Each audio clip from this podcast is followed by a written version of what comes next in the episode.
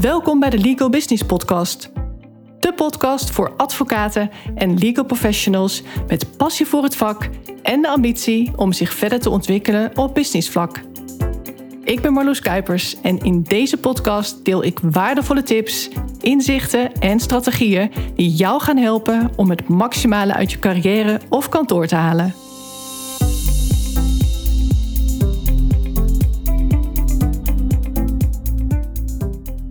Ik was stom verbaasd. Een paar dagen geleden ontving ik een bericht van een oud cliënt van maar liefst 10 jaar geleden. Hij was toen al een eind in de 60, dus nu in de 70. Ik zal het bericht even voorlezen. Dag Marloes, hoe gaat het met jou? We kennen elkaar uit de tijd dat je voor puntje puntje werkte. Je hebt destijds veel voor mij gedaan. Wat een uitdaging ben jij begonnen. Business coach. Gefeliciteerd hoor. Ik wens je veel succes. Ontvang een hartelijke groet van mij. André. Ik heb daar natuurlijk op gereageerd en ik ga gewoon even de hele conversatie met je delen, want er zit veel interessants in wat ik later ga toelichten. Dag André, wat leuk om van je te horen. Het is inmiddels al zo'n tien jaar geleden, geloof ik. Ik weet nog precies wie je bent. Je had een nare salmonella-besmetting opgelopen door zalm van foppen. Fijn om te horen dat je mijn inzet destijds zo hebt gewaardeerd. Ik ben trouwens wel benieuwd hoe je zo ineens weer aan mij dacht en mij bent gaan opzoeken. Hoe gaat het trouwens met jou en je familie? Hartelijke groet, Marloes. Vervolgens komt hij met de volgende reactie en die is best veelzeggend op meerdere vlakken. Dag Marloes, als je ouder wordt komen er steeds meer herinneringen naar boven. Zo weet ik nog dat jij al die claims in zaken personen van defensie die met schadelijke verf hadden gewerkt richting de overheid moest afhandelen. Ik heb dat altijd gecombineerd met jouw vertrek bij kantoor puntje puntje, omdat je dat op een gegeven moment wel had gezien. Ik vind het in ieder geval erg sympathiek dat je de moeite genomen hebt om te reageren. Afgelopen september was het alweer tien jaar geleden van die salmonella-vergiftiging. Vorig jaar ben ik nog opgenomen geweest op de IC wegens COVID-19, de Delta-variant. Met de familie gaat het goed, kinderen en kleinkinderen idem. Ik was erg verrast dat jij reageerde op het bericht via de website. Ik wens je alle goeds toe met de nieuwe uitdaging en ik hoop in de toekomst nog wel eens contact met je op te nemen. Nogmaals dank voor alles wat je voor mij hebt betekend. Met een vriendelijke groet, André. Dat geeft dus ook meteen aan hoe laag de verwachtingen zijn van mensen tegenwoordig als het gaat om communicatie en echte interactie. Hij had niet eens een reactie verwacht. Nou denk ik wel dat heel veel advocaten hun oud-cliënten niet zo op het netvlies hebben als ik. Ik zou hem op straat nog herkennen, ook na tien jaar nog. En nou is het ook nog zo dat dit een class action was. Dus het gaat om heel veel zaken die allemaal te maken hebben met hetzelfde feit. En waar je in korte tijd heel actief mee bezig bent. Dus er is niet eens sprake van dieptecontact, zal ik maar zeggen. Ik vind het namelijk echt een verschil met zaken waarbij je iemand langdurig bijstaat en heel veel zaakinhoudelijk contact hebt, omdat je veel te overleggen hebt en je samen echt de strategie wilt bepalen. Daar is dus veel meer sprake van een echte samenwerking. En dat is ook juist wat ik zo leuk vind. En dat aspect is ook wat ik onder andere miste in de letselschadepraktijk, waarin ik de laatste jaren als advocaat natuurlijk gespecialiseerd was. De zaken die ik deed waarbij de cliënt met letsel ondernemer was, daar speelde juist weer heel veel. Dan stond er veel op het spel. Dan moest ik ook alles uit de kast trekken om ervoor te zorgen dat een onderneming kon doordraaien ook als de verzekeraar het bestaansrecht van de onderneming in twijfel trok. Ik heb nu een specifieke zaak in gedachten. Dat is trouwens wel een smeug verhaal, want de cliënt was naast ondernemer ook professioneel pokeraar. Hij vloog de hele wereld over om mee te doen aan pokertoernooien en dan krijg je bij winst een koffer met cash mee. Hij had nogal goede bijverdiensten, zal ik maar zeggen. Door het ongeval kon hij niet meer pokeren, dus dat is nogal een schadepost. Maar daarnaast runde hij samen met iemand ook een café, wat met name klandizie trok omdat hij zo goed was in pokeren. En hij organiseerde ook pokertoernooien in zijn eigen café en die leidde hij ook zelf, want iedereen wil natuurlijk wel van hem leren. Toen hij dat niet meer trok, bleef de klanten weg. Zijn businesspartner had niets meer te doen, want de mensen kwamen niet voor de drankjes, maar echt voor het pokeren, dus de tent draaide verlies met doorlopende kosten. Dat gaf mijn cliënt natuurlijk grote stress. En als je ernstige whiplishklachten hebt, dan gaan die van stress niet beter worden. Nou kun je als advocaat met de verzekeraar gaan discussiëren over dat zwarte geld. Want ja, daar heeft zo iemand in beginsel gewoon recht op, rekening houdend met bepaalde regels. Maar die discussie heb ik geparkeerd om eerst maar eens te zorgen dat het bedrijf kon doordraaien. Want er was ook witte schade, zal ik maar zeggen. Schade die gewoon keihard te maken viel. Vanuit de verzekeraar was een bedrijfskundige ingeschakeld en die heeft geconcludeerd dat het gewoon een gezonde onderneming was. Maar toch werd er geen actie ondernomen. Er kwam geen voorschot voor de lopende kosten. En dan komt het erop aan hoezeer jij betrokken bent als advocaat. In hoeverre jij je kunt inleven.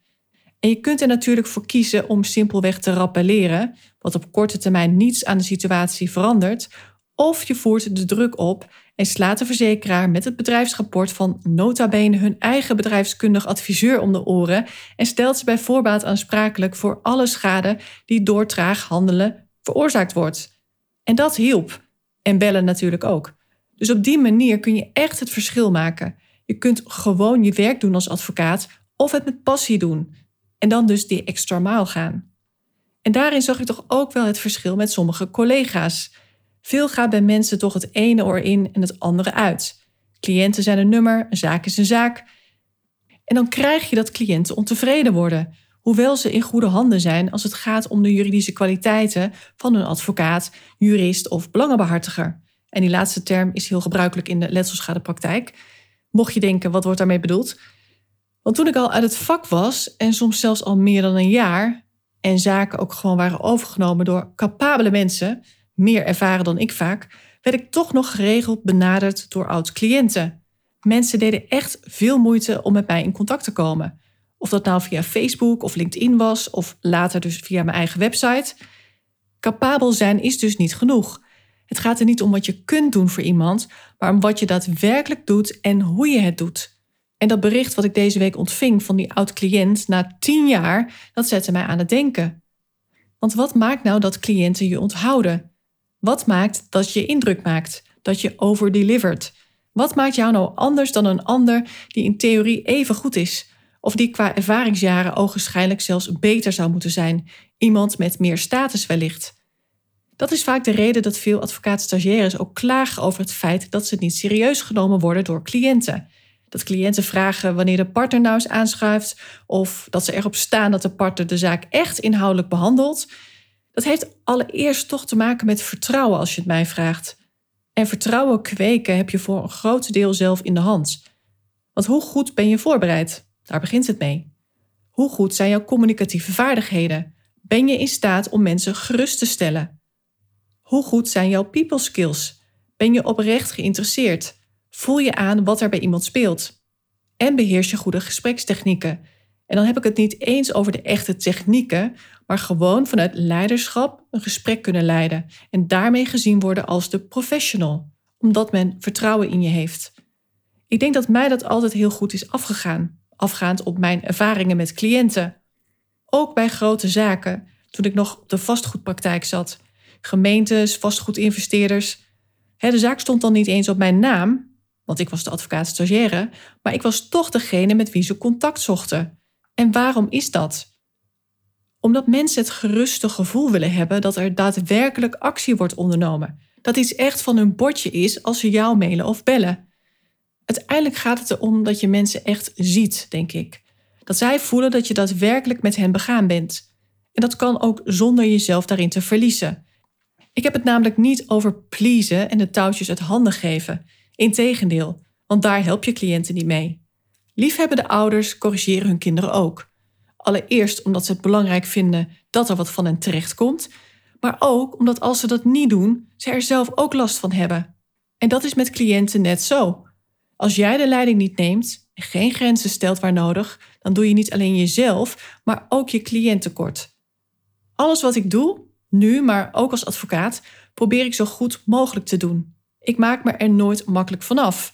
Ik deed en doe meer dan er van mij verwacht wordt. Ik kan nog wel een concreet voorbeeld noemen vanuit de letselschadepraktijk. Als er bijvoorbeeld geen medische oplossing bleek te zijn in Nederland en een cliënt had echt ernstig letsel, dan ging ik mijn netwerk inzetten. Zo heb ik eens relevante medische stukken naar een bevriende neurochirurg in het buitenland gestuurd. Hij kent natuurlijk heel veel topspecialisten. Of dat nou elders in Europa is of in Amerika. Dat hoef ik natuurlijk niet te doen. Ik kan gewoon zeggen: ik ben geen arts, ik heb er geen verstand van. Maar zo zit ik niet in elkaar. Het ging in dit geval om een man met heel naar letsel aan zijn stembanden als gevolg van een scooterongeval. Hij zong veel en was bovendien docent, dus hij was nogal afhankelijk van zijn stem. En nu kon hij bijna niet meer praten. Dat heeft zo'n impact op iemands leven. Allereerst had hij pijn en een oncomfortabel vol gevoel in een stemband, doordat hij een behandeling had ondergaan waarbij een stemband met een soort van cement tot rust werd gebracht. Maar dat heeft uiteindelijk niets opgeleverd, maar het liet wel een heel naar vol gevoel achter, alsof er nog cement in zijn stemband zat. Maar veel belangrijker is nog het sociale leven, wat compleet wegvalt. Want je kunt jezelf in gezelschap niet langer verstaanbaar maken. Je kunt niet meer meedoen in gesprekken. Dus als ik dan een stap verder kan zetten, dan doe ik dat. En dat doen heel veel advocaten en juristen toch niet. Dit gaat dan om een medische situatie, maar dat gaat net zo goed op voor strikt zakelijke belangen. Hoe kun je met een vooruitziende blik extra waarde toevoegen voor je cliënt?